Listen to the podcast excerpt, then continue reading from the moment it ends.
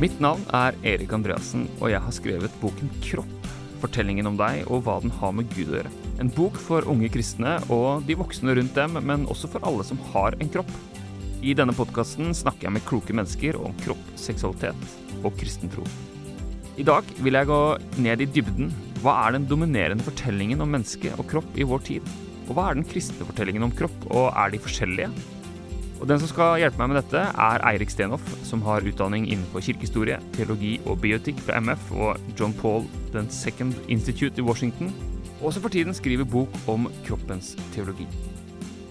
Velkommen hit, eh, Eirik. Tusen takk. Takk for det.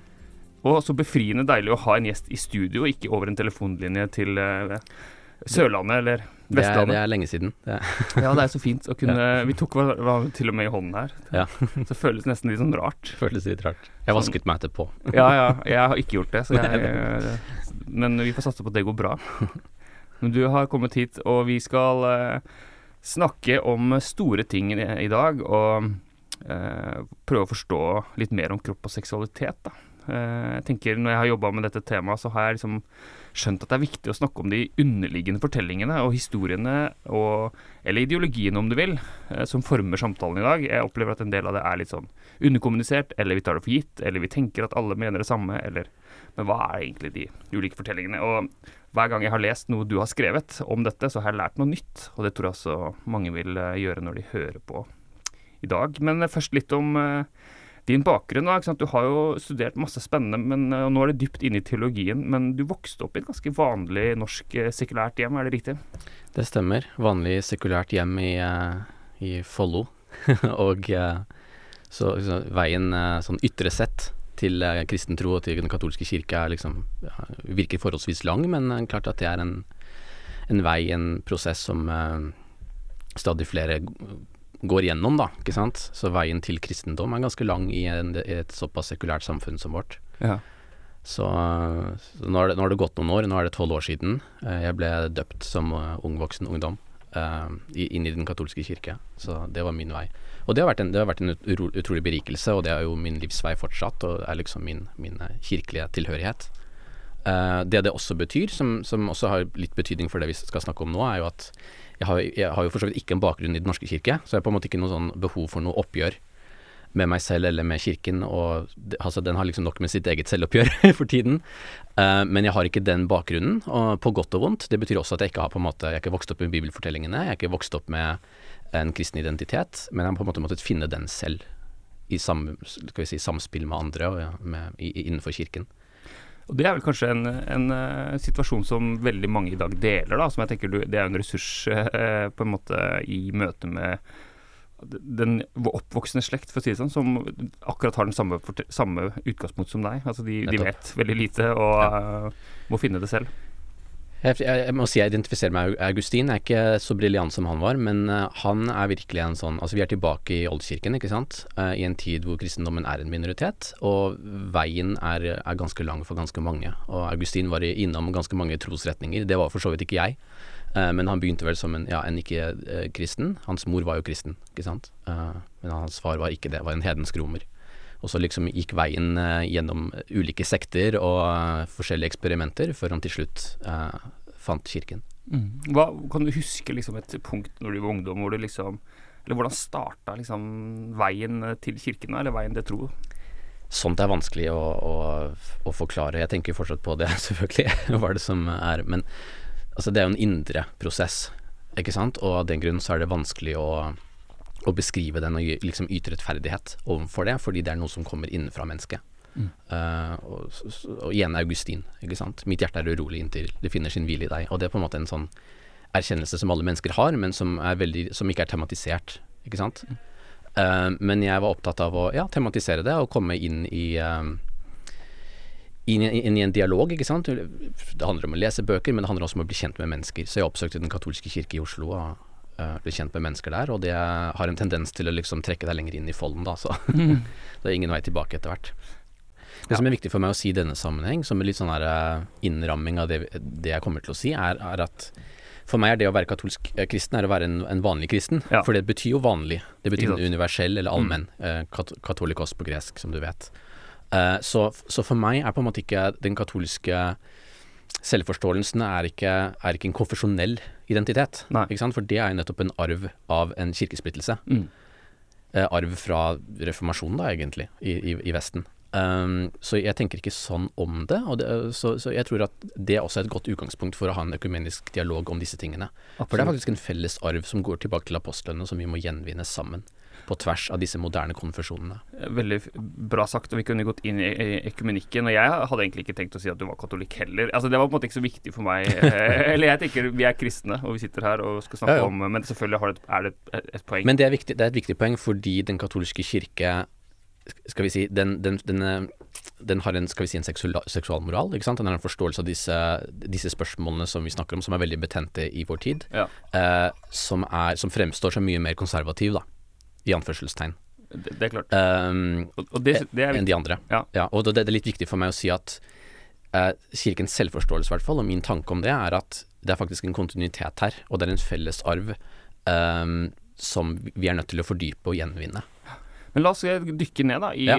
uh, dykke ned i store temaene. Og mens vi dykker ned, så heller jeg vann i glasset, så hører man at vi dykker ned her nå. okay. uh, I dybden. Vi skal begynne med liksom Ok, hva er, hva er fortellingene som fortelles i dag? Og så er kanskje det å bruke ordet fortelling er veldig in, da. Men liksom eh, Det finnes masse budskap om kropp. Det formidles masse om seksualitet hele tiden. På alle plattformer, i alle kanaler. Det er bilder av kropper overalt, og det er masse budskap. Og jeg har opplevd at det er en sånn Og tok meg sjøl i å tenke at det er en slags ja, Det er vel bare én fortelling om kropp, men det fins tusenvis av fortellinger. Og veldig mange av de er, er vi ikke klar over. Vi legger ikke merke til hvor mye som formidles, og hvor mye liksom ideologisk eh, bagasje som fins. Noen ganger så kan man møte folk som tenker at du har den kristne eh, historien, fortellingen, og så har du den andre fortellingen, som er en slags nøytral, ikke-kristen, ikke-religiøs, ikke-ideologisk fortelling.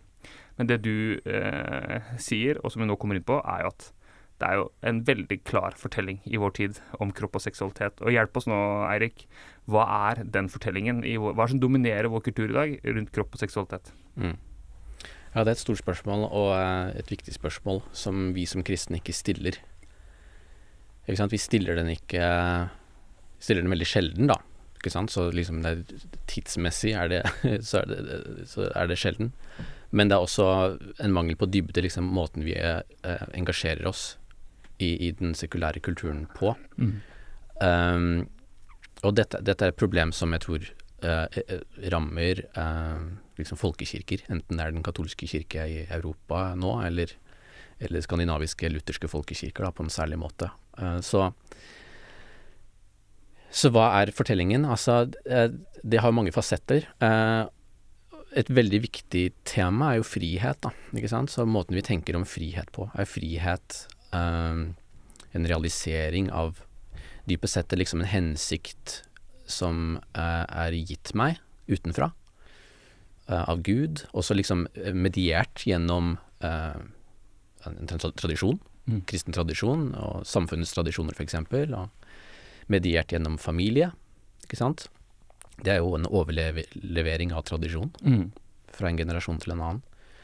Um, kirken, og ehm, Men også kroppen. Ikke sant? Kroppen er også en, en, en formidling Altså, kroppen er jo på en måte en sånn veldig et veldig konkret uttrykk for, vil jeg si, ikke sant, fra mitt perspektiv, eh, at jeg er en skapning, ikke Mm. sant? Mm. Så min frihet er underlagt den, liksom, den betingelsen. Eh, men kroppen er ikke bare liksom et, et, liksom et sånn gitt faktum som jeg ikke kan liksom eh, Som bare er der som en sånn nøytral materie. Den er en gave, ikke sant. Den er faktisk gitt, gitt meg, og den er gitt meg av en personlig gud, ikke sant. Eh, det gjør den til en gave, i motsetning til bare liksom en ting som jeg kan eh, forvalte som jeg vil. Eh, så spørsmålet for oss, tenker jeg, er liksom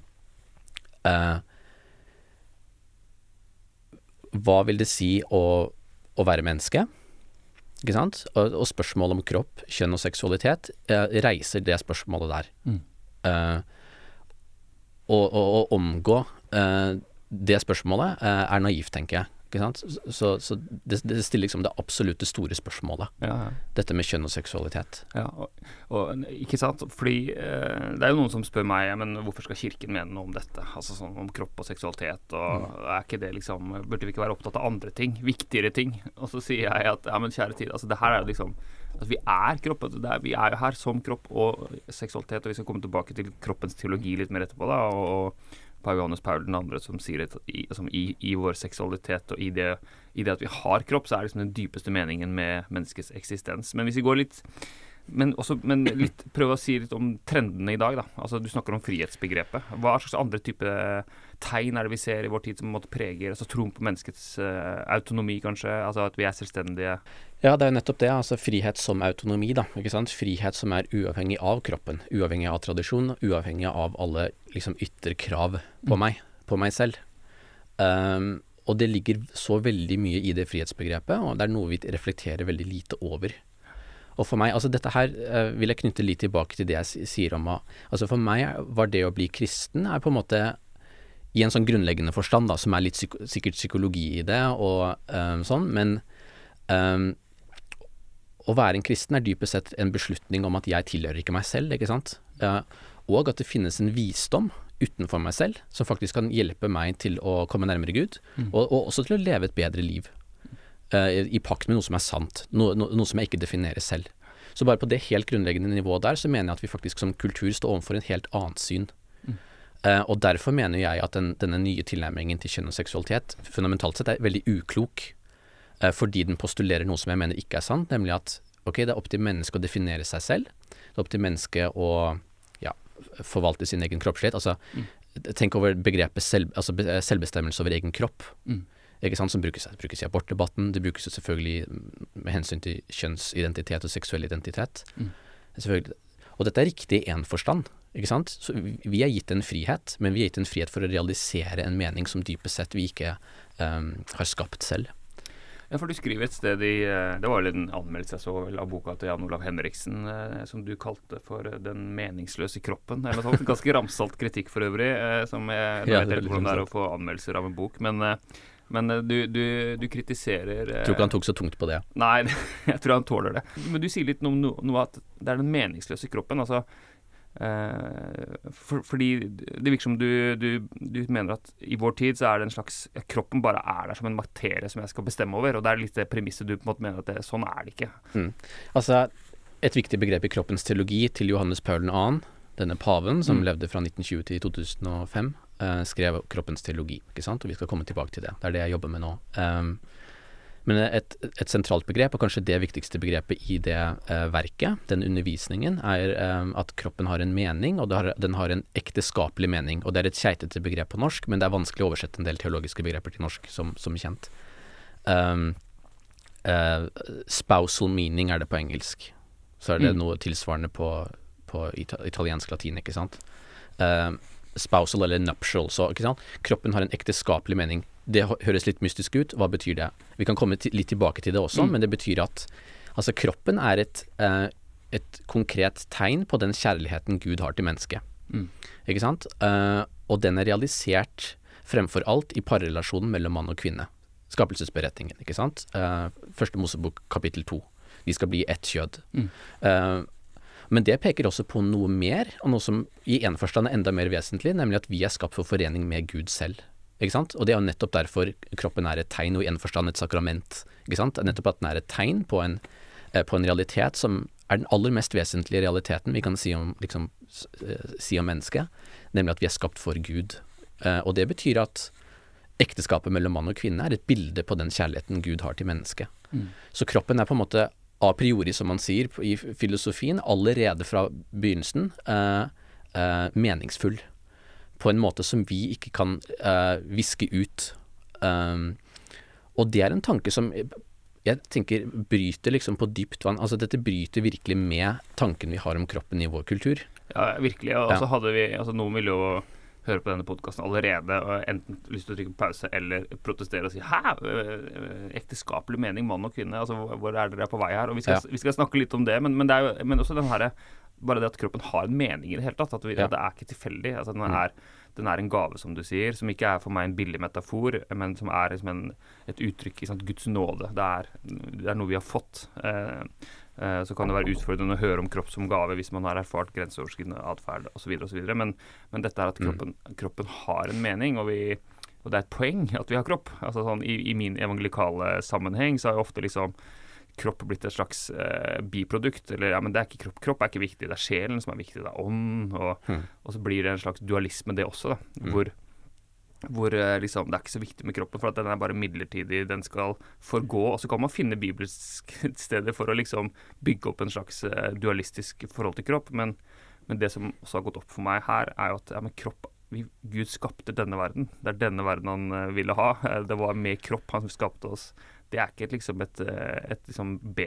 Det var ikke sånn løsning B, det var A-alternativet. Ja, Det er veldig viktig, og bare sånn teologisk sett, bare for å ta det kort, så er det klart at det faktum at Gud skapte oss til mann og kvinne med en kropp, eh, og at Jesu ble menneske, eh, og altså det, Jesu inkarnasjon, ikke sant, det, det bekrefter og fordyper Eh, at, at, vi er skapt til, til, kroppen, og det understreker kroppens godhet. ikke sant? Mm. Gud så at det, han hadde skapt var godt. Såre godt, sier han om mennesket, litt på slutten.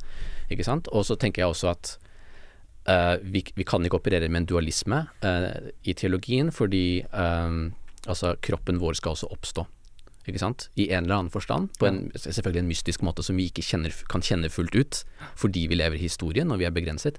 Men kroppen vår skal like fullt. Den skal faktisk være en del av vår oppstandelse ja. og vårt fellesskap med Gud. Ja, så uh, hvor er sjelen? Altså hvor hører den uh, hjemme? Fordi jeg fikk et spørsmål fra en, mm. en pinsepastor en gang som sa Ja, jeg hører du skriver bok om kropp. Hvor er egentlig sjelen?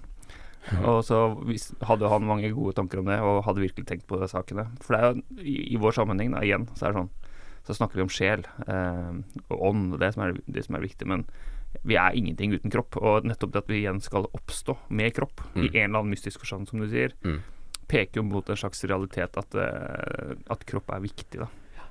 Men kroppen og sjelen er en enhet, og det er um, Jeg tenker at altså Å snakke om en sjel er egentlig noe som er felles for de fleste religiøse og for så vidt filosofiske tradisjoner. For hvis vi ikke kan snakke om en sjel, så alt, ja, da er alt bare materie, da, f.eks. Mm. Og det finnes selvfølgelig Man kaller det en materialistisk filosofi. Og det finnes jo. Mm. Det finnes litt i antikken, og det finnes uh, for, for, så vidt i nyere tid.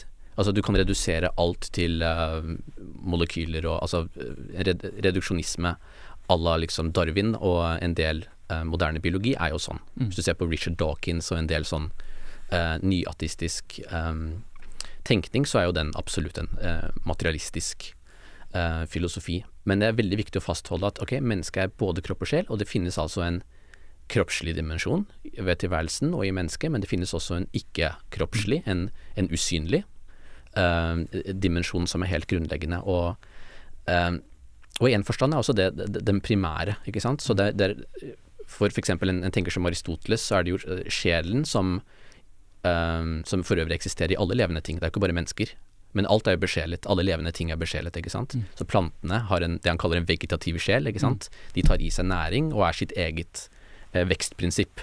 Og det er, det er, jo egentlig ganske mystisk mm. og forunderlig, og i en kristen sammenheng er jo det virkelig en sånn Det fordyper skapelsesteologien vår, sant? Fordi eh, tingene er besjelet. Altså tingene vokser av seg selv, eh, og skapelsen er vakker, og den opprettholder seg selv. ikke sant? Men mennesket har i tillegg en rasjonell sjel, som Aristoteles sier. Ja. Og i en kristen tradisjon er det helt vesentlig, fordi um, at vi er skapt i Guds bilde har å gjøre med dette, ikke sant. At vi um, Gud har uh, Det står i første Mosebok to, da, ikke sant. Uh, Gud blåser livspust inn i mennesket. Mm. Og det, han blir en levende skapning. Mm. Uh, og det er på en måte det åndelige eller det sjelelige prinsippet i mennesket. Mm. Men fordi mennesket er en enhet av kropp og sjel, ikke sant. altså, sjelen og kroppen kan ikke eksistere uavhengig av hverandre i oss. Altså, jeg kan, jeg kan, jeg kan liksom dissekere Det er jo disseksjon, ikke sant. Du kan skjære opp en kropp, men ja, du finner ikke sjelen. Nei. Men den er der i et levende menneske. Ja. Som selve livsprinsippet, prinsippet som gjør meg til den jeg er. Uh, ja, og dette faktumet som jeg også skriver om, at vi, er, vi både er og har kropp. Altså, mm. uh, og som Anders Pilz sier, altså, hvor, og hvordan vi skal forstå forholdet mellom de, er ikke alltid lett. Altså, mm. Men, men vi, vi, er kropp, og vi har kropp. Men jeg har lyst til å gå litt tilbake likevel til samfunnskritikken, uh, si, eller liksom analysen av vår tid. Da. Eh, fordi en del av disse moderne begrepene som vi har, altså bare det at vi snakker om identitet f.eks., er jo et ganske moderne uttrykk. Eh, og, mm. og, dette frihetsbegrepet. Og, og du snakka om på en samtale på forhånd her om 68 seksuelle revolusjonen hvor, hvor ideen kom liksom at det er forbudt å forby. Alt er mm. lov, men det er forbudt å forby. Eh, men kan du fortelle litt om liksom, den historiske Noen av de Hvor kommer det vi i dag tar for gitt, hvor kommer det fra? Kan du ta en slags sånn lynhistorisk eh, Eh, siste ja. Altså et stort spørsmål. Altså jeg skriver en bok om dette her nå, og mm. da er det viktig for meg å bruke liksom den første delen av boken.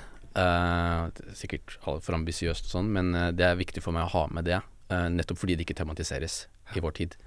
men jeg er opptatt av den nære konteksten. og dette er jo den nære konteksten for kroppens teologi, da. Så ja. det er også liksom, konteksten for pavens eget bidrag som jeg så forsøker å kommentere og utdype. men den nære konteksten for skal vi si, den kulturkrisen som jeg mener vi står overfor, det er selvfølgelig den seksuelle revolusjonen. Som på en måte skal vi si, eksploderer på 60-70-tallet. Eh, så det er jo ganske nytt fenomen sånn historisk sett, men den har igjen dypere røtter. Mm. Den har selvfølgelig røtter i mellomkrigstidens ja, sånn uh, mer liberale syn på seksualitet. Altså det skjer veldig mye i mellomkrigstiden, uh, altså 20- og 30-tallet. Da skjer det mye med eugenikk, det, det er prevensjon, alle mulige sånne samfunnsfenomener som blir viktige for den seksuelle revolusjonen. Um, men så finnes det også en enda dypere uh, måte å se dette på, og det handler jo om hvordan man ser på mennesket og naturen um, i ja, skal vi si, moderne tenkning. Og det er noe som har røtter tilbake til ja, minst 1600-1700-tallet. Og det har bl.a. med naturvitenskapenes gjennombrudd å gjøre. Det har med det vi kaller for en filosofisk dualisme, som vi snakket om, mellom kropp og sjel, eller sinn, å gjøre. Uh, og det har også med fremveksten av en politisk liberalisme å gjøre. ikke sant? Og tanken om uh, frihet som selvbestemmelse, i motsetning til en realisering av et potensial som er gitt uh, utenfor, utenfra meg selv. Men, men kan man ikke Ja, og hva skal jeg si En del av de tingene som vi i dag diskuterer, er jo mulig også pga. en stor medisinsk revolusjon. Altså, mm. Og mange av de tingene som i dag ikke er farlige lenger, på en måte, er jo pga. medisiner. og, og vi har alle mulige eh, vaksiner og eh, behandlinger mot eh, ulike kjønnssykdommer og mer alvorlige ting, og alt som har rundt med abort osv. er jo en medisinsk utvikling. Også, men kan man ikke tenke at uh, dette er en utvikling, og har vært en god utvikling? Kan man ikke omfavne noe av dette og si det er bra? Ja, men det uh, kommer jo an på hva man snakker om, tenker jeg. Uh, og altså, jeg jobber jo selv med bioetiske spørsmål for NKLF, Norges kristelige legeforening. Og det er klart at ja, den, den, komponenten som jeg ikke nevnte i det jeg ramset opp her, er jo selvfølgelig den teknologiske revolusjonen. Altså, ikke sant? Og det har også med, absolutt med medisin å gjøre. Um, så jeg er enig med deg. Altså, uh, veldig mange ting i moderne kultur må vi også uh, være glade for. Altså, så det er ikke sånn at jeg kommer liksom med en sånn total avvisning av uh, alt fremskritt. Men det må jo kvalifiseres. Vi må jo faktisk forsøke å forstå hva disse tingene innebærer, da. Og da må man se litt sånn differensiert på ting. Uh, så, så, på den ene side så må man f.eks. si at altså, antibiotika, eller f.eks. mot kjønnssykdommer, da, mm. er jo i seg selv et gode, fordi det er ikke bra å, å være syk. Mm. Men det er klart at man kan også si at det skaper en kultur der hvor seksuell promiskuitet uh, blir normalisert og legitimert, da, mm. ikke sant. Uh, så det er et mer komplisert spørsmål, tenker jeg, Mm. Sånn i et, i et, større perspektiv, og også eh, som teologi, en teologisk type problemstilling. Enn bare å si at ok, det er bra, vi, vi kan ha en pragmatisk innstilling sant, og si at ok, det er flott at dere kan, at vi slipper å bli syke, at vi kan ha sex med eh, prevensjonsmidler osv., men hva er det det gjør med vår mentalitet og te, vår tenkemåte om, om sex? da? Mm. Og dette har jo vært selvfølgelig, som kjent, en del av den katolske kritikken eh, på liksom det seksualetiske planet. Mm. Eh, og vi kan, vi kan, komme tilbake til det, men jeg bare sier at det er faktisk eh, et ganske viktig eh, kritisk element. Så hva vil det si å, kritis, å være selvkritisk overfor den seksuelle revolusjonen, da? Mm. Ikke sant? Ja, for, for, noen vil jo tenke at ja, men pga. disse utviklingene og mulighetene, og, så må vi så gir det noen nye eh, det, det, forteller oss noe nytt om hva det er å være menneske, og hvordan vi kan bruke vår seksualitet. Derfor så må vi endre hva vi mener og tenker rundt seksualitetens rammer, f.eks. Og, ja. og, og, og, så kan noen si ja, at ja, Kirken har alltid oppdatert sin teologi til å passe med det som er realitetene. Og den har alltid liksom henta opp igjen, eh, liksom tilpasset seg, da vil jo noen hevde. Nå bare er liksom djevelens advokat her. Så burde vi ikke også bare omfavne dette og nå forme en ny teologi som svarer inn i vår tid. Og, og da tipper jeg at du kanskje vil si at nei, vi må heller hva skal jeg si, vi må, vi må kritisere det vi nå opplever, basert på hva skal jeg si, tradisjonen, Skriften osv.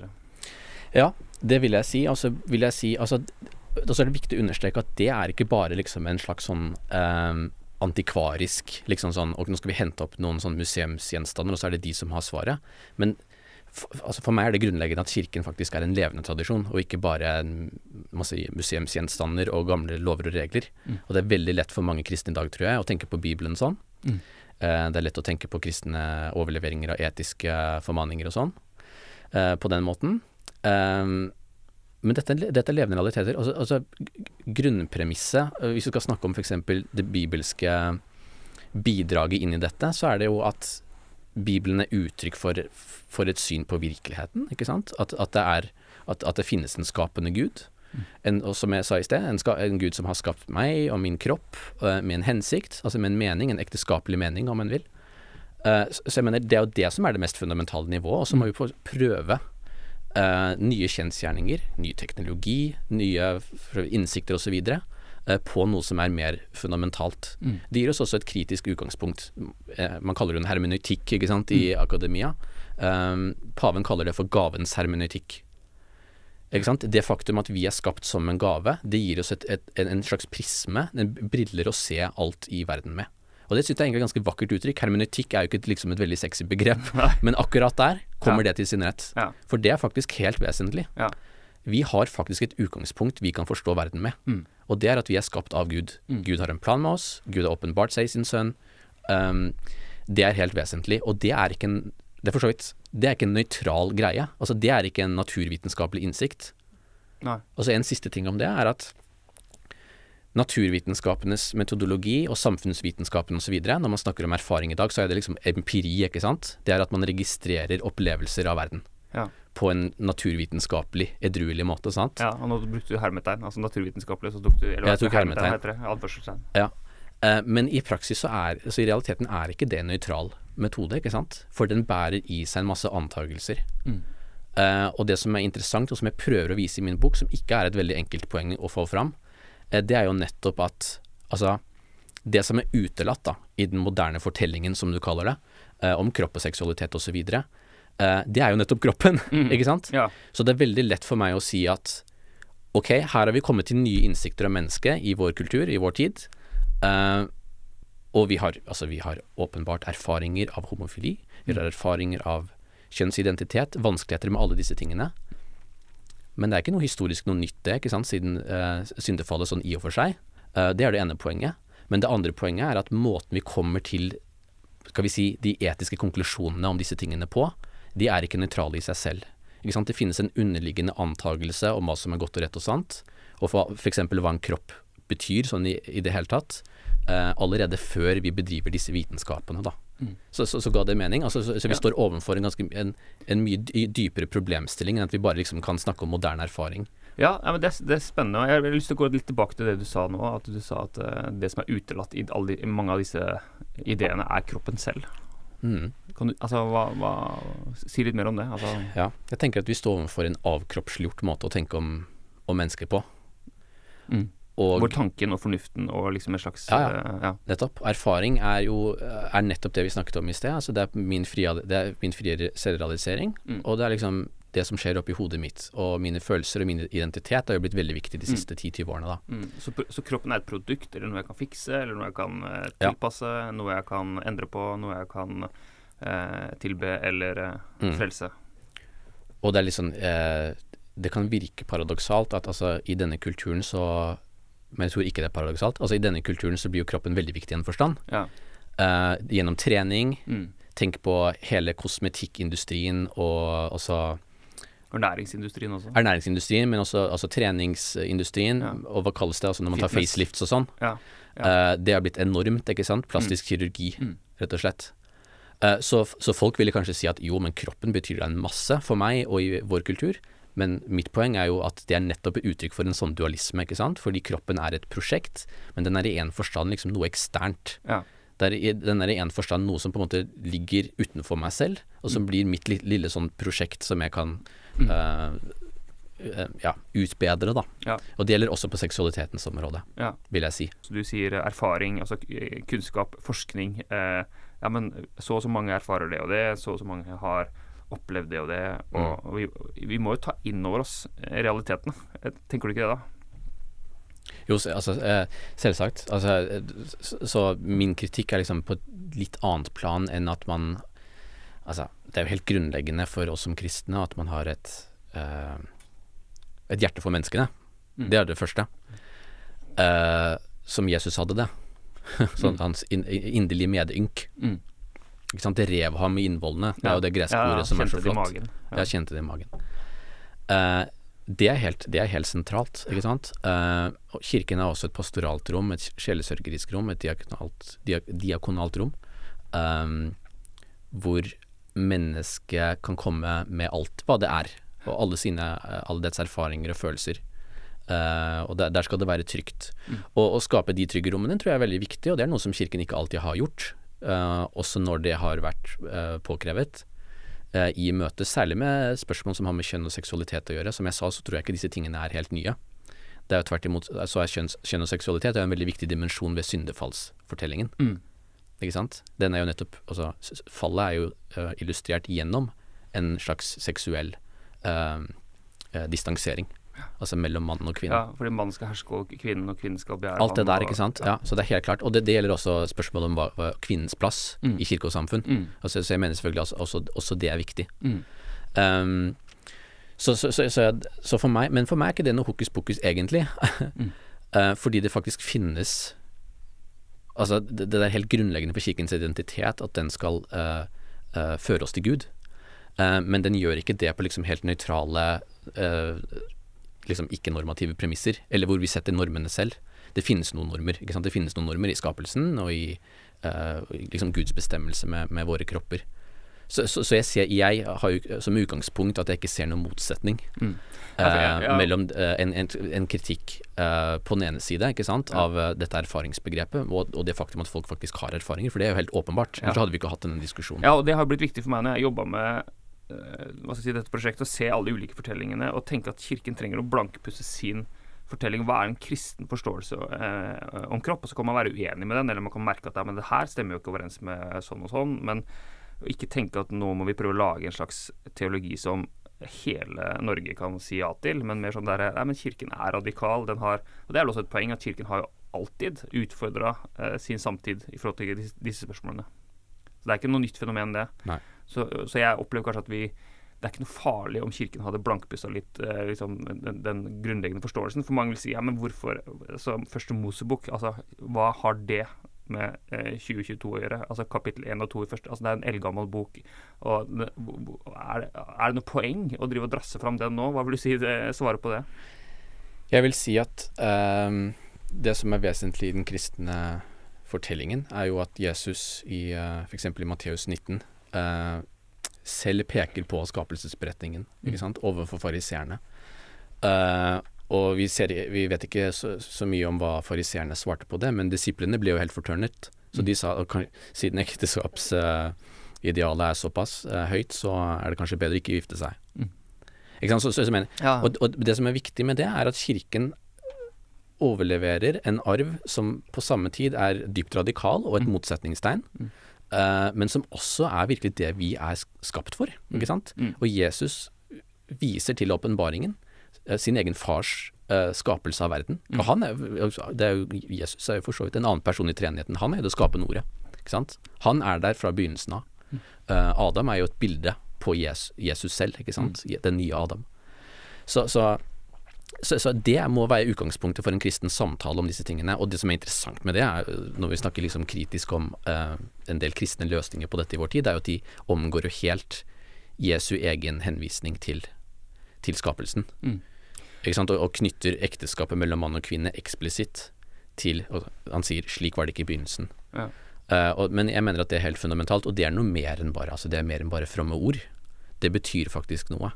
Det gir, det gir skapelsesberetningen normativitet og en aktualitet som Kirken har fordypet og, og tenkt på i 2000 år. Men handler ikke også dette om hvordan vi ser på Bibelen? Altså Du skriver et sted om forskjellen på å bare tenke på Bibelen som en bok, kontra å tenke på den som en åpenbaring.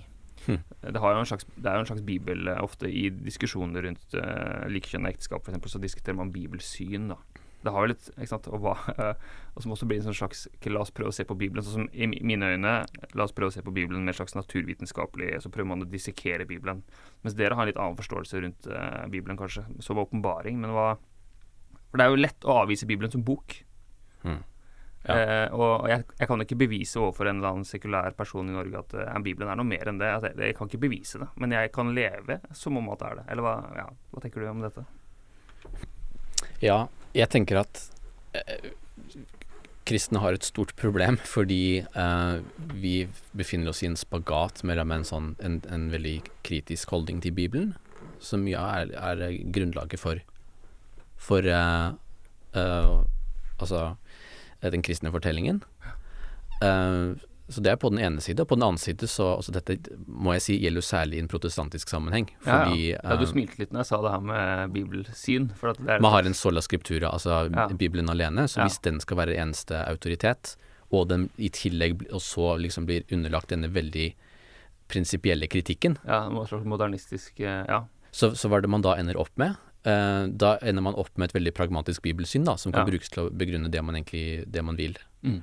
Eh, og det er ofte koblet til en litt sånn ureflektert eh, naturalisme, ikke sant. Så vi, jeg, jeg vil jo si at en, en del form for kreasjonisme faller jo litt i den samme fallgruppen, da, ikke sant. Hvor man nettopp leser, som du sier da, eh, tenderer til å lese Bibelen som en naturvitenskapelig avhandling, Ja. fordi man er veldig sterkt forpliktet på moderne naturvitenskap. Ja. Og det er jo ironien i det. Ja.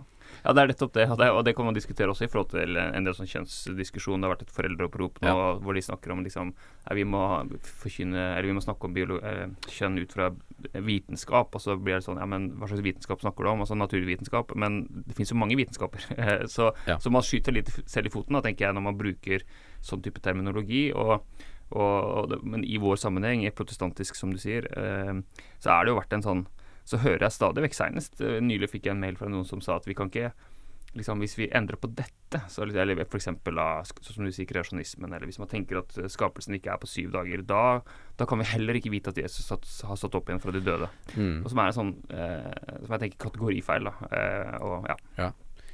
Enig i det, og um, for meg er det viktig i, i denne sammenhengen å understreke igjen at altså skapelsesfortellingen og skapelsen, det er um, Dette er jo egentlig Johannes Paul 2., men det er et grunnlag for det vi tenker om, om verden. Altså Jeg snakket om gavens hermeneutikk. Det finnes et, et hermeneutisk perspektiv, altså en måte å se virkeligheten på. Uh, og, og lese tekster. altså Hermeneutikk har jo opprinnelig med å lese tekster å gjøre i en moderne tenkning. ikke sant? Det er jo alle disse som Mm. opp, på en måte kommer opp med den hermeneutiske metode. Eh, gavens hermeneutikk er også måten vi leser Bibelen på. Ikke sant? Så Det finnes et mer fundamentalt perspektiv, og det perspektivet er teologisk. Det er ikke naturvitenskapelig, det er ikke sosiologisk, altså erfaring, eller noe sånt, men det er faktisk et teologisk perspektiv på at altså vi, vi er faktisk først og fremst skapt av Gud.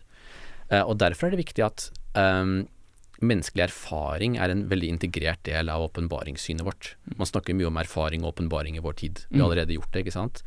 Eh, men det er en tendens til å Nettopp fordi man reduserer erfaring eh, til noe mindre enn hva den er, vil jeg si, eh, så reduserer man ganske raskt også åpenbaringen og hva den betyr.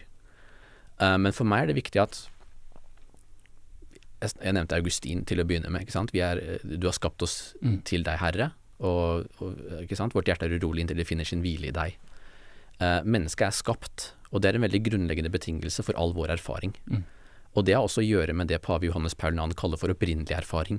Ja, Urerfaring. Ja, for la oss gå litt inn på det nå på Ja. slutten her. Så Johannes Paul 2 har du snakka mye om. Og for, de som, for meg så var liksom Jeg hadde knapt hørt om det for noen år siden. Altså om Mm. kroppens teologi. Så eh, hvis du først bare tar sånn en slags eh, kroppens teologi for dummies. Altså kort, hva er eh, kroppens teologi? Eh, du har nevnt Johannes Paul. Eh, fortell liksom kort eh, Ja, Kroppens teologi er en serie med korte foredrag som pave Johannes Paul 2 holdt fra 1979 til 1984 på Petersplassen i Roma. Så hver onsdag så møter paven, de moderne pavene er liksom kommet ut i folket, og, og du har sikkert eh, sett eh, bilder, eller kanskje vært der selv på Petersplassen på disse folkemøtene. Det er et folkehav på Petersplassen, og de kjører rundt i den hvite bilen og hilser på folk, og så holder de et foredrag. Um, og paven holdt disse foredragene over en lengre periode. Det var opprinnelig et bokmanus. Ja, han, hadde han jobba med dette før Hadde ble jobbet med det, pave? ja. Og han var også utdannet som filosof Mm. og teolog, så han hadde jobbet med denne type tematikk ganske lenge. Eh, og dette gjør også at boken, altså dette verket, de foredragene, er, veldig, er ganske avanserte. Mm. Han holder ikke noe tilbake, for å si det sånn. Nei. Og han, eh, han er ikke en liksom, god norsk frikirkelig pastor som forsøker Ja. å tilrettelegge budskapet sitt til ulike målgrupper. Nei, legger inn en eller annen twist og Nei, så det er ganske tungt. sånn. Ja. Det er ganske uh, tungt, uh, men dette verket må vi fordype og begrunne i, i årene som kommer, for her ligger det virkelig en skatt. Så det er delt i, eh, i to hoveddeler, hvor den første delen er på en måte en, uh, kroppens teologi, ikke sant? Eh, hva vil de si at mennesket er uh, skapt i Guds bilde, og hva har syndefallet å si i dette? Og, det, og så er det altså eskatologien, den kommende verden, hvor det ikke skal finnes hvor vi ikke skal være gift. Ikke sant? Så det er de tre delene i, i del én. Og den andre delen er en meditasjon over ekteskapet som et sakrament. Uh, og et sakrament, sakrament i den betydningen jeg snakket om i sted. At altså, vi, kroppen har en ekteskapelig betydning og er et grunnlag for at ekteskapet kan kalles for et sakrament. Altså ekteskapet mellom Dette er Efeserne 5. Ikke sant? Ekteskapet mellom Kristus og kirken eh, er et bilde, eller vice versa, eh, bilde på kjærligheten mellom mann og kvinne. Eh, og der har virkelig det kristne ekteskapet sin forankring. Og det gjelder også, vil jeg si, da, eh, enten man har eh, altså ekteskapet som et av sine sak kirkelige sakramenter eller ikke. Eh, det viktigste er dette, denne tegnkarakteren som ekteskapet har. Og, og, og der ser vi virkelig hvilken verdighet eh, kroppen og det, det menneskelige ekteskapet har. Eh, Eh, og så nevnte du disse urerfaringene som han er innom, for det er også noe av det jeg syns har vært veldig Ja. spennende. da Altså jeg, Man kan snakke om ekteskap, og, og det er kjempeviktig, men også bare disse grunnleggende ting som du sa, kropp, altså, som, også, som jeg så skriver om i, i boka. Altså, eh, kropp er en gave til oss, og vi er gjennom kroppen en gave til verden. Mm. Og at det dypest Ja. sett vises i seksualiteten. Men også dette her som du sa, denne urerfaringen. Hva, fortell litt om de, disse urerfaringene fra skapelsesberetningen. Mm. Det er også et stort lerret å bleke, da, men Ja. jeg kan eh, si litt Han brukte 139, nå må du klare det på 330. 139 sekunder. Ja. Ja. Nei, altså urerfaringene er, um, er pavens begrep for um, det Adam og, opp, eh, Adam og Eva opplever i eh, altså, første Mosebok 2. Så i den fortellingen, den, altså den andre skapelsesberetningen, det er jo to skapelsesfortellinger Hæ, er det ikke det? I første Mosebok 1 og 2, ikke sant? Ja. Uh, og, og de utfyller jo hverandre, kan du si. ikke sant? For den første så er, altså står det at mennesket er skapt i Guds bilde. Til mann og kvinne skapte han dem. Og så i den andre, som faktisk kronologisk sett er, er en eldre skapelsesfortelling, uh, så har du på en måte et, du har på en måte et psykologisk aspekt. ikke sant? Du har på en måte en beskrivelse nettopp av erfaringer. Og det er sånn paven, som en god moderne filosof, eh, går inn i de tekstene. Og det er en veldig kreativ lesning, men det er en lesning som jeg mener virkelig svarer til noe, noe dypt sant Ja. eh, ved mennesket. Eh, og han kaller disse urerfaringene henholdsvis for eh, opprinnelig ensomhet, og det beskriver at altså, Adam er alene. Ikke sant? Og Gud sa at det ikke var godt at Adam er alene, så han skaper en kvinne, Mm. en, en, en, en, en hjelper Mm. til Adam. Um, Og det og det er den andre erfaringen som man kaller opprinnelig enhet. Mm. Og så har du den tredje erfaringen, og det er den aller, det aller siste verset i eh, første Mosebok 2, og det er uh, altså de var nakne for hverandre og skammet seg ikke. Og så ser vi også hvordan syndefallsberetningen, som han så beskriver, det er jo nettopp en, liksom en negasjon av det. Altså da kommer det inn et element som gjør at nakenheten blir noe skamfullt. De gjemmer seg for hverandre og for, og for Gud. Men du, sa- du, du sa ensomhet, opprinnelig ensomhet, opprinnelig Opprinnelig. enhet, og den Ja. tredje er Opprinnelig nakenhet. Ja. Fordi Det som også jeg syns er spennende med opprinnelig ensomheten, er jo Eller én ting er jo det faktum at han først blir kalt menneske, bare. Altså uten kjønn, på en måte. Ja. Så at Gud skapte menneske. Eh, Adam. jord, jordling. Adam. Og så blir jo da kjønn Kjønn kommer inn eh, når det blir to. Ja. Eh, sånn så, så man kan si kommer kvinnen eller mannen først? Altså, er mennesket kommer først. Vi er først og fremst menneske. Altså, sånn, så, så er kjønn selvfølgelig et poeng, men eh, eh, jeg syns det er en uh, interessant ting. Og også det her med den opprinnelige ensomheten som også gikk opp for meg når jeg uh, helt på slutten egentlig hadde mitt bokprosjekt. Det her med eh, Altså den her eh, Vi kan jo noen ganger frykte ensomheten, og, og ensomhet er jo en pandemi i vår kultur. Mangel på fellesskap. Mm. Men den her, eh, altså alle disse indre spenningene jeg kan kjenne på, alle disse spørsmålene jeg har, alle disse hvorfor er det sånn, og, og eksistensiell krise, eller mange spenninger i kroppen som vi i vår tid frykter, er min opplevelse. At vi vil bort fra det. Vi vil, vi vil løse verden. Vi vil løse alle de komplekse ideene. Vi vil ut av de vanskelige tankene. Og Mm. kan, i hvert fall i min tradisjon nå, tenke at det er et problem jeg må fikse. Uh, alle de komplekse tankene. Mm. Mens jeg kan tenke, når jeg leser om den opprinnelige ensomheten, så er det en som sier, uh, Ronald Rollheiser, tror jeg, som sier at ja, men det er det er fordi du er skapt av Gud. Så kjenner du på masse komplekse tanker og ideer fordi at du, du De skal dra deg mot Gud, da. Mm. Og selvfølgelig også ut mot fellesskap med andre. Så det er en slags Det er, ikke et prob det er liksom ikke et tegn på at noe er galt, men det er på en måte en tegn på at du er skapt av Gud. Nettopp. Det er veldig viktig. Ja, det er veldig viktig, for paven sier at opprinnelig ensomhet er egentlig to betydninger. Mm. Eh, det er både en, et, et, et fravær av den hjelperen, Mm. Eva, eh, men det er på en måte enda mer grunnleggende sett, så er det et, et positivt nærvær med Gud. Ja. For Adam er alene sammen med Gud, ikke sant, sin skaper. Eh, så det som er mangelen der, er at det ikke finnes noe i skapelsen, Mm. blant de andre skapningene, Mm. som kan gjenspeile eh, den relasjonen Adam har til Gud. Ikke sant? Så han er ensom i den forstand at det ikke finnes noen, noen make, noen som kan ja, gjenspeile den kjærligheten. Eh, og så Det er et veldig viktig poeng at det er, det er begge deler, Ja. den ensomheten. Så det er både en positiv ensomhet, kan vi si, å Mm. være alene med Gud, Mm. Eh, og det er også en slags negativ ensomhet, for vi er skapt til å faktisk ehm, Det er jo sånn Gu- Gud oppfyller den ensomheten ved å skape kvinnen. Mm. Så det kommer en enhet ut av den ensomheten. Og det er interessant at altså, de blir ett kjød. Ja. Ja, og, og også da at uh, ja, Gjennom seksualiteten liksom, så er det den enheten, ettheten, som er vanskelig å beskrive liksom, på Mm. et uh, rent fysisk plan. Men det er en slags uh, sannhet, eller en slags hva vil du kalle det, en realitet på en annen måte. Men eh, hva var det jeg skulle si nå? Jo, at vi, altså, at vi gjennom seksualiteten vår er, er skapt for fellesskap. Og da vil jeg også tenke at eh, Veldig viktig. at, at seksualiteten i, i, Igjen, jeg får snakke om min egen tradisjon. Du er liksom fri for å slippe, slippe å snakke om din egen tradisjon, for du har, ikke, du har ikke så mye av den kirkelige oppveksten. Men vi har snakka om seksualitet som en slags ting, noe vi gjør.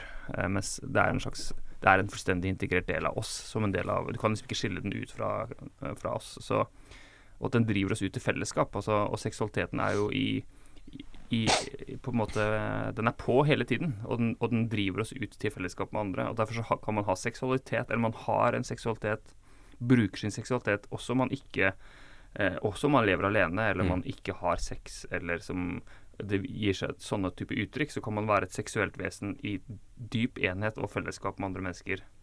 Mens i vår tid så sier man jo at Ja, uten å ha sex, men i vår tid så sier man liksom at det er gjennom eh, sex og gjennom eh, fysisk kontakt at du får fellesskap. Men, men det, det er mulig å ha dypt. Mm. Dyp fellesskap, dyp enhet. Det der er en viktig og litt sånn der vrien distinksjon, fordi Ja. jeg ser at det nå løper en debatt om seksuell identitet. Det er vel Espen Ottosen som har en dialog Stemmer. med noen om det, og det er klart at det, det, er en veldig, det er en sterk tendens i vår kultur til å gjøre seksualiteten både noe veldig mye mindre enn hva den er, men også noe mye mer. Mm. Så den gjøres til noe mye mer gjennom en reduksjonistisk oppfatning av seksualitet som identitet. Mm. Uh, men så gjør den så, også seksualiteten mye mindre, ved at den ikke virkelig beskriver fullt ut hva seksualiteten faktisk er, Mm. nemlig et tegn på en dypere kjærlighet. Så det som er viktig med den opprinnelige ensomheten, er igjen at jeg, jeg vil si, som man sier litt på fint, eh, ontologisk sett, altså når det gjelder, eh, som en beskrivelse av hva mennesket er, Mm. det ontologisk sett mer grunnleggende at mennesket er skapt for Gud. Mm. Så den opprinnelige ensomheten kommer nettopp før den opprinnelige enheten mellom mann og kvinne. Mm. Eh, og det peker også framover mot eskatologien, altså den kommende verden, hvor Jesus sier at altså i den kommende verden skal, skal vi ikke være gift. Det skal ikke være mann og kvinne i den forstand som det historiske mennesket eh, er, er, går, inngår ekteskap. Fordi vi skal tilhøre Gud alene. Og vi skal tilhøre Gud i et fellesskap av mennesker også, det fellesskapet av de hellige, ikke sant, communio sanctorum. Eh, men vi skal først og fremst tilhøre Gud, ikke sant, på en, på en åndelig måte. Eh, Så, så, så, jeg mener, så, og, og det har også en, et kritisk punkt inn mot kulturen. Det betyr at seksualitet er ikke ensbetydende med, med hvem jeg er. Det er selvfølgelig en veldig viktig del av hvem jeg er, Ja. men jeg er ikke identisk med min seksualitet Nei. I en viktig forstand. Men, men eh, hva, hva annet vil du si når du har sagt litt uh, om disse tre urerfaringene? Vil du liksom, eh, hvis du skal si noe mer til slutt, så, liksom, hva, er, hva er det viktigste bidraget i kroppens teologi uh, inn i vår tid? da? Så, som er, er et korrektiv eller en, uh, en kvalifisering for å si det sånn, av vår, tids tanker om Det kan, det kan man besvare på mange ulike måter, men det jeg vil si her, og som jeg forsøker å si i boken min som en slags rød tråd, er nettopp at kroppen har en mening. Mm. Det finnes en mening som går forut for min frihet, Mm. og det finnes en mening som jeg ikke kan utviske, men som eh, som er veien til min frihet, og virkelig erkjenne den og, og, og fordype den. Og som jeg sa til å begynne med, så mener jeg at vi har en veldig uklok tilnærming til hva et menneske er i vår tid. Ikke sant? Så vi, vi har et, et, syn på mennesket som total selvbestemmende frihet. Og, og hvis det er noe som uh, Hvis det kommer noen krav utenfra, så avvises det.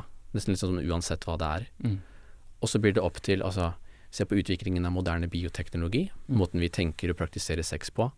Uh, måten mennesker gifter seg og skiller seg fra hverandre på. Mm. Alt dette her kommer jo fra et sted. Um, og det bunner, vil jeg si, i en veldig uklokt syn på hva mennesket er, og hva kjærlighet er. Mm. Man har rett og slett ikke forstått, eller man har glemt, hva kjærligheten, hva kjærligheten, faktisk er. Kjærligheten er ikke en følelse, en, liksom en sånn, og en, en ja, eh, liksom en valgfri forpliktelse mellom to som, er, som tilfeldigvis er glad i hverandre. Den, den, den, er et løfte, og den er en radikal forpliktelse på den andre personen, i, i tykt og tynt. Og, og den, der, altså den tanken om offer. eh, at kjærligheten faktisk innebærer et offer, eh, helt fra begynnelsen av. Den er nærmest helt gått tapt i vår tid, og den lever kanskje igjen i noen liksom, lommer av kristne forsamlinger og sånn. Men uh, liksom, som en, en grunnleggende intuisjon i kulturen, i samfunnet vårt, mm. så er den nesten helt død. Og det, det, har veldig mange radikale konsekvenser som vi må ta et oppgjør med, som, som vi som er kristne. Ja, for det er akkurat det du sier, vi som er kristne. fordi igjen, det her, noen vil jo bare liksom riste på hodet over disse tankene som virker helt fjerne. ikke sant? Eller her kjærlighet, kjærlighet som offer, forplikte seg på, og så vil man. Eh, men, men, eh, hva er det å være kristen i vår tid? Og Det syns jeg er viktig å tenke gjennom. Og viktig mm. å tenke hva er liksom den opprinnelige fortellingen. Men, men, og neste gang så skal jeg snakke med Einar Edland, som har en sjelesorg, eller doktorgrad i sjelesorg. Ikke sant? Fordi mm. For det neste spørsmålet, oppfølgingsspørsmålet blir jo selvfølgelig ja, men folk erfarer ekteskap som er elendige, som er destruktive, ødeleggende. Eh, folk opplever at det, eh, det å prøve å leve etter kirkens ståsteder, kanskje i din sammenheng, er helt umulig. Eller man, man krasjer med det, eller det gir ikke et godt liv. Så er, Menneskers erfaringer er jo også at, eh, hva tenker du om det da, til slutt? Ja. Altså, så, så, sagt, Jeg skal gå inn på det neste gang. Mer, hvordan møter vi mennesker i den reelle verden? Reelle menneskers virkelige liv, på en måte, kontra idealene, urfortellingene. Altså. Men det har, som jeg sa i sted, med vi, hva vi kommer til disse erfaringene med å gjøre. Hva slags grunnleggende syn vi har på hva det vil si å være menneske i det hele tatt, det mm. vil jo bestemme hvordan jeg tenker om min erfaring av verden. Av mm. kjærlighet, av meg selv, av min egen kropp, min egen identitet osv. Så det er, ikke, det er ikke noe som kan løsrives fra hverandre. Uh, så jeg kommer allerede med, allerede med en forforståelse ja. av alle disse tingene.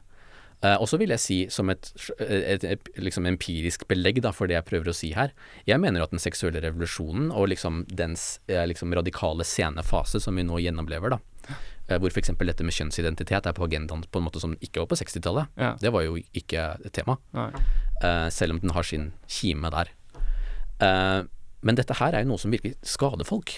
Dette er jo noe som påvirker unge. Seksualiseringen av barn gjennom sosiale medier og på alle mulige måter. Så jeg, jeg mener, jeg står i fare for å liksom moralisere her, da. Eh, men jeg er ung nok til at jeg kan, jeg kan gjøre det når jeg er 31. Men, men dette, er noe som, dette har skjedd veldig mye på bare de 10-15 årene siden jeg selv var ungdom. Mm.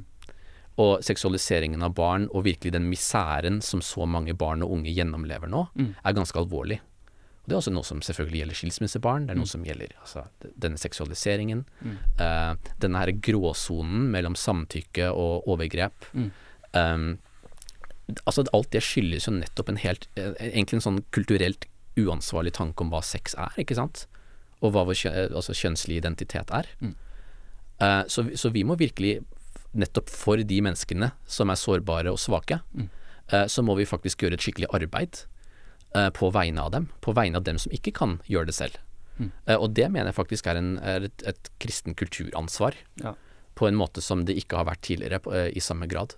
Ja, og det tror jeg er et veldig godt svar på hvorfor eh, Kirken burde si noe om dette. Altså Det er også som, som kristne ikke alltid har vært opptatt av, altså de mest sårbare, og vi kan alle være sårbare i ulike deler av livet. Men, alle er rammet av noe. Ja. Men jeg mener at Kirkens budskap handler ikke bare om at det er eh, rett i en eller annen sånn sant, det er sant i en eller annen mening, men det er også godt, og det trengs i vår tid, og det er, det er, og det er gode nyheter. Eh, og, og, det er ikke bare en kritikk av vår tid, men det er også et eh, et, si, en, en, en, redningsbøye, da, potensiell. Og så, så, vil ikke jeg gå ut i verden og si at uh, alle må bli frelst og mene det samme som meg, men jeg vil si at ja, i denne verden så fins dette denne måten å tenke om det på, jeg tror den er god. Jeg tror også den er sann, men jeg tror også at den vil være til hjelp, da, selv om den er krevende. Det er frigjøring.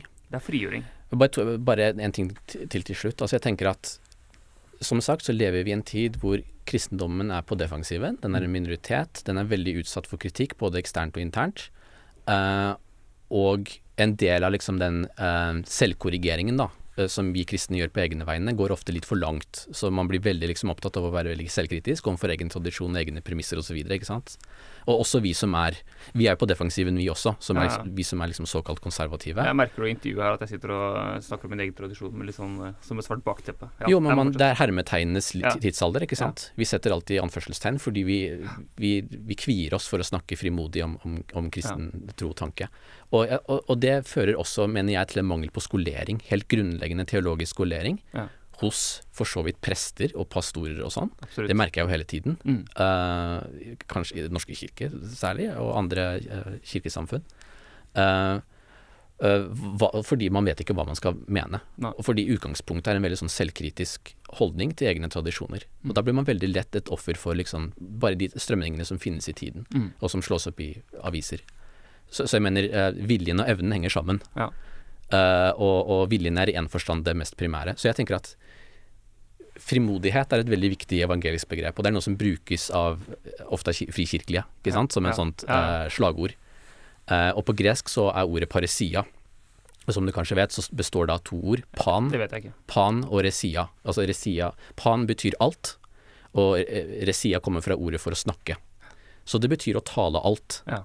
Og det er veldig interessant. Ja. Det er frimodighet på ja. gresk. Så det betyr at frimodighet har på en måte en, en subjektiv dimensjon og en objektiv en. Altså den subjektive dimensjonen er den vi på en måte ofte snakker om. Mm. Frimodighet er å ha liksom en indre frihet. Mm. Uh, selv om den er gitt av ånden. Sant? En, en frihet til å virkelig tale uh, Jesu ord til mennesker. Men så har den også en objektiv dimensjon. Dette alt. Ikke sant? Så hva vil det si å tale alt ja. uh, av kirkens budskap om kjønn og seksualitet? Det er jo spørsmålet vi står overfor, ja, ikke sant. Ja. Og da må man faktisk gå dypt inn i egne premisser. Mm. Man må våge å være ja, selvkritisk, men også være kritisk overfor det som finnes der ute i kulturen, mm. eh, og gå dypere inn. Ja. Og jeg tror, det er, det er, kjempespennende, og jeg tror jo at eh, noe av grunnen til at vi eh, Altså den frimodigheten man har hatt også har vært en slags eh, Ja, men vi må bare holde opp disse idealene. Og så har man, så har man glemt hvorfor. Og så blir det en slags moralistisk sånn derre Ja, vi må bare gjøre sånn, og vi må bare følge disse idealene. Så, man, så, så mangler man fortellingen da, under. Eh, og, mm. og, da gir det ikke mening. Og, og det blir også for, formidla på en måte som da blir rett og slett også til skade for folk. For det er også min erfaring at mange hører disse moralistiske fortellingene, eller disse veldig forenkla forståelsene om seksualitet og grenser og sånn, som gjør at det reelt blir et problem og en stor belastning for mange mennesker. og Det skal jeg snakke med meg om neste gang. og Det må vi også ta på alvor som kirke. At vi, vi har formidla det ofte på en utrolig dårlig måte. og Det betyr ikke at budskap, altså jeg mener budskapet i bånn er frihet, og så har det blitt eh, ikke frihet for mange. Så, så, hvordan kan man forkynne dette på en måte som skaper frihet? Og så må vi jo stole på ånden, vi som tror på ånden, at ånden også kan skape liv. Eh, men eh, vi, Bare én kommentar til ja. det er at min sånn salgspitch da, på vegne av egen bok og ja. eget prosjekt, er at for meg så har Johannes Paul den annens kroppens teologi nettopp vært et sånt type bidrag. Mm. Fordi legger, den legger vekt på erfaring. Mm. Og den legger vekt på erfaring ikke bare i en sånn liksom redusert sosiologisk variant, men den gir virkelig erfaringen vår en teologisk begrunnelse og virkelig sin dypeste forankring. Ja. Vi er skapt med en mening. Ja. Det innebærer at kroppen vår også er, er god, og den er sann, og den, den, er også skapt for kjærlighet. Og, og, og det har en veldig appell. Til mennesker. og Derfor har også kroppens teologi blitt så høyt elsket. Ja. Og hvis jeg skal gi en salgspitch av min egen bok, så skriver ja. jeg litt om kroppens teologi. Der også, det, det, det er på et veldig enkelt eh, nivå å prøve å forklare noe av det. Men det har vært en, eh, vært, vært en bra start. Det er en bra start.